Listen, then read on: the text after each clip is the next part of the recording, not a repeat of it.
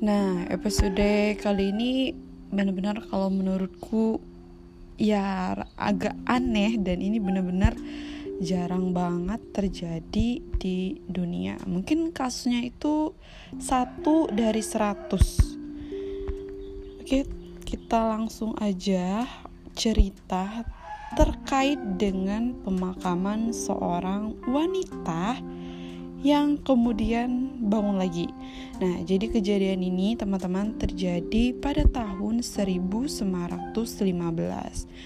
Ada seorang wanita dia itu terdatang terlambat di pemakaman saudara perempuannya.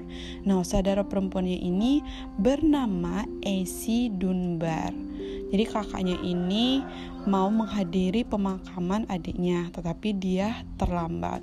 Terus pas kakaknya tiba di pemakaman itu, dia minta peti mati saudara perempuannya ini dinaikkan lagi.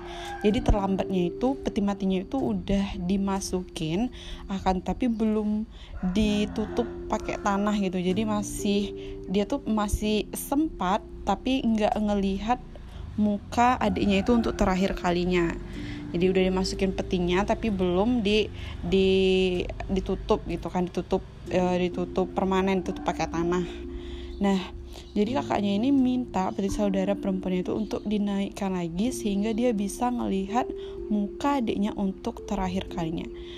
Saat dibuka peti matinya itu adiknya yang bernama Esi Dunbar tadi bangun dong. Ya pasti semuanya kaget gitu kan kok bisa? Jadi dia jadi dia ini mati suri. Nah saat dibuka adiknya itu kembali bangun lagi dan adiknya duduk sambil tersenyum. Aduh ngeri banget gak sih kalau gitu? Nah sebenarnya di Indonesia juga ada beberapa kasus kejadian yang mirip seperti ini kayak mati suri gitu kan ada beberapa kasus. Tapi ini tuh kayak untung aja gitu. Dia belum di kuburan itu benar-benar ditutup. Kalau misalnya udah ditutup pakai tanah otomatis dia meninggal benar-benar meninggal gitu. Kalau dia hanya mati suri terus tiba-tiba pas dia bangun lagi tapi udah di dalam kuburan kan uh, itu banget nggak sih? Serem banget nggak sih? Jadi kayak ya ya serem aja gitu.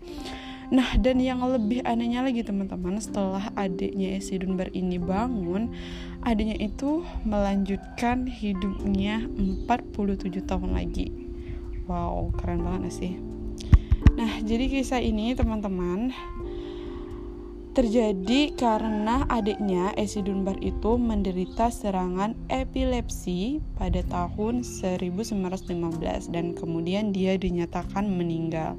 Tubuhnya itu ditempatkan di peti kayu dan pemakaman akan diadakan keesokan paginya setelah kematian adiknya tadi agar saudara perempuannya dapat hadir. Nah, jadi dia tuh udah mati kemarin terus mau dimakamkan keesokan harinya demi untuk menunggu kakak perempuannya tadi. Nah mungkin kakak perempuannya ini nggak satu kota sama dia mungkin uh, di luar negeri atau di mana gitu mungkin akses ke tempat uh, pemakaman adiknya ini mungkin ya banyak rintangan gitu. Jadi kakaknya itu sengaja ditunggu sehingga pemakaman adiknya itu ditunda. Jadi nggak pas hari itu dia meninggal hari itu juga dimakamkan nggak jadi keesokan harinya itu mau dimakamkan Nah, sayangnya tadi teman-teman saudara perempuan S ini tadi masih belum tiba ketika dia diturunkan ke kuburan. Dan kakaknya ini baru tiba di pemakaman beberapa menit setelahnya. Nah, selanjutnya para menteri sepakat untuk menggali kuburan. Jadi kalau di sini di sumber ini dijelaskan para menteri. Mungkin eh, ini ya keluarganya atau orang-orang yang berperan gitu kan dalam eh, pemakaman itu eh, sudah sepakat untuk menggali kuburan sehingga dia bisa melihat wajah saudara perempuannya untuk terakhir kali. Ini gimana ya ceritanya? Kalau di sumber itu katanya belum ditutup nggak sih? Tapi ini ada sumber lagi udah ditutup terus dibuka lagi. Gimana sih? Aduh jadi begitulah teman-teman. Nah jadi pas uh, dia udah dimasukin tuh di kuburan itu ada dua ya. Ada yang bilang itu uh, kuburannya belum ditutup masih kayak barusan diturunin banget terus diangkat naik lagi. Terus ada juga ini bilangnya udah ditutup gitu kan sehingga dibongkar lagi gitu demi kakaknya buat ngelihat wajah adiknya untuk terakhir kalinya. Nah ini ada dua sumber. Hmm, ya mungkin udah ditutup kali ya. Kayaknya iya deh udah ditutup udah ditutup pakai tanah gitu udah nggak ada lagi oksigen mungkin di sana. Terus karena kakaknya tadi udah sampai nah itu digali lagi digali lagi kalau menurut sumber yang ini digali lagi jadi kan udah ditutup tuh udah ditutup pakai tanah terus digali lagi gitu kan dan petinya diangkat. Nah, ketika mereka mulai melepas krup peti matinya itu dan membuka pintu peti mati, nah Esi itu duduk lagi dong dan mukanya masih berseri-seri kayak ya kayak orang pingsan mungkin kali ya. Ya jadi dia bangun lagi terus wah kayak kayak ya kayak orang-orang kayak orang bangun tidur atau bangun pisan gitu. Jadi kayak dia tuh rada kayak ini juga kayak bingung kenapa dia gitu kan. Nah terus dia ngelihat perempuan uh, saudara perempuannya dan ngelihat orang-orang di sekitarnya dia bingung kayak kenapa nih? Kenapa? gitu. Nah ketika mereka membuka petinya tadi si adik perempuan yang bernama Esi tadi bangun lagi. Aduh itu tuh hmm, kayak bahagia banget gak sih kakaknya padahal tadi sedih banget ya pastilah sedih banget ditinggal orang tercinta. Tapi pas adiknya bangun pasti kakaknya tuh merasa bahagia banget ya. Mungkin pada awalnya kayak ada takut juga mungkin ya Nah, menurut buku yang berjudul Buried Alive, The Terrifying History of Our Primal Fear oleh Jan Bondeson, beberapa mengatakan bahwa orang di sekitar itu sangat terkejut sehingga mereka jatuh ke dalam kubur dan mematahkan beberapa tulang rusuk. Wow. Wow, ini kayak terkejut banget gak sih? kayak ada yang terkejut banget sampai kayak termasuk ke dalam kubur dan lehernya patah gitu. Ya iyalah mungkin terkejut banget gak sih kayak orang meninggal udah dikubur udah ditutup terus pas digali bangun lagi.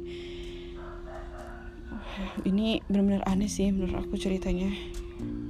Dan bahkan saudara perempuan Esi pun ya itu tadi yang aku bilang tadi pasti pada takut ya walaupun dia bahagia setelahnya di sini dijelasin kalau saudara perempuan S itu mengira itu tuh adalah hantu dan dia mulai menjerit sementara pelayat yang lainnya menjadi histeris dan mulai berlari ketika Esi memanjat keluar dan mulai berjalan. Wow, wow. Ini guys cerita sebenarnya. Kayaknya yang sumber yang kedua ini sih kalau menurut aku yang paling benar. Karena kan iya sih kalau misalnya udah diturunin dan belum ditutup kuburannya tuh pakai tanah mungkin orang masih ngira iya mungkin dia pingsan atau apa mati suri gitu kan. Jadi orang masih bisa memaklumin kalau misalnya dia bangun lagi pas diangkat peti matinya. Tapi kalau ini sampai terkejutnya sampai menjerit dan pelayat histeris dan ada beberapa yang saking terkejutnya dia nyemplung ke dalam kuburan itu jatuh ke dalam kuburan sampai patah akhirnya kayaknya ini kuburannya benar-benar udah ditutup rapat kayak udah dikasih bunga mungkin aja udah dikasih nisan kali ya nisan yang kalau di Indo tuh kayak yang papan gitu loh yang nisan untuk sementara. Ya kayaknya yang sumber kedua ini deh kalau menurut aku yang benar ya, jadi aduh ini kok serem banget gak sih?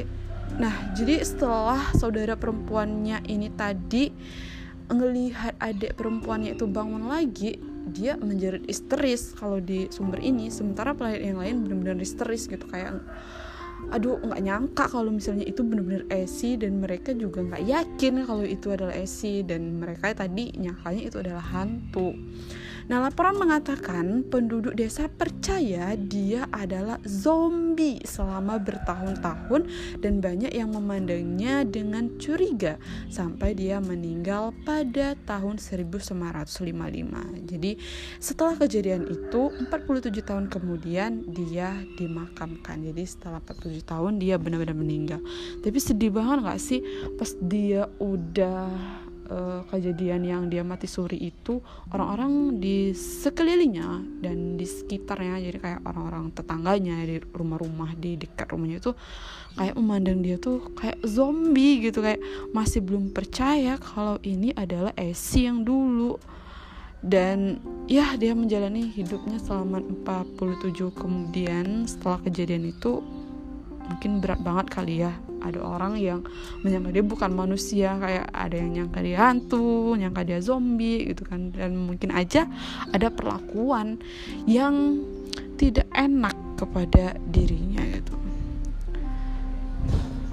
Tapi kalau menurut aku pribadi sih benar-benar serem. Ya mungkin aku juga histeris kalau misalnya ngelihat kejadian itu. Tapi ya kalau udah misalnya kayak oh ternyata dia benar-benar masih hidup yaitu kan kuasa Tuhan kan ya. Dan kita nggak berhak menghakimi orang atau ngejudge orang kayak eh kamu zombie nih. Jadi kayak memandang dia ya sebelah mata atau gimana gitu. Nah teman-teman kalau menurut kalian gimana cerita terkait uh, mati suri ini? Kalau menurut aku bener-bener luar biasa. Dan kuasa Tuhan itu memang kita nggak ada yang tahu kalau Tuhan berkendak ya apa pun bisa terjadi nah, teman-teman hari ini itu dulu cerita terkait uh, mati suri dari detektif Nara, kalau kalian suka jangan lupa ikuti podcast ini dan kalian juga bisa membagikan ke teman-teman lainnya. Sampai jumpa di podcast selanjutnya dengan cerita yang baru.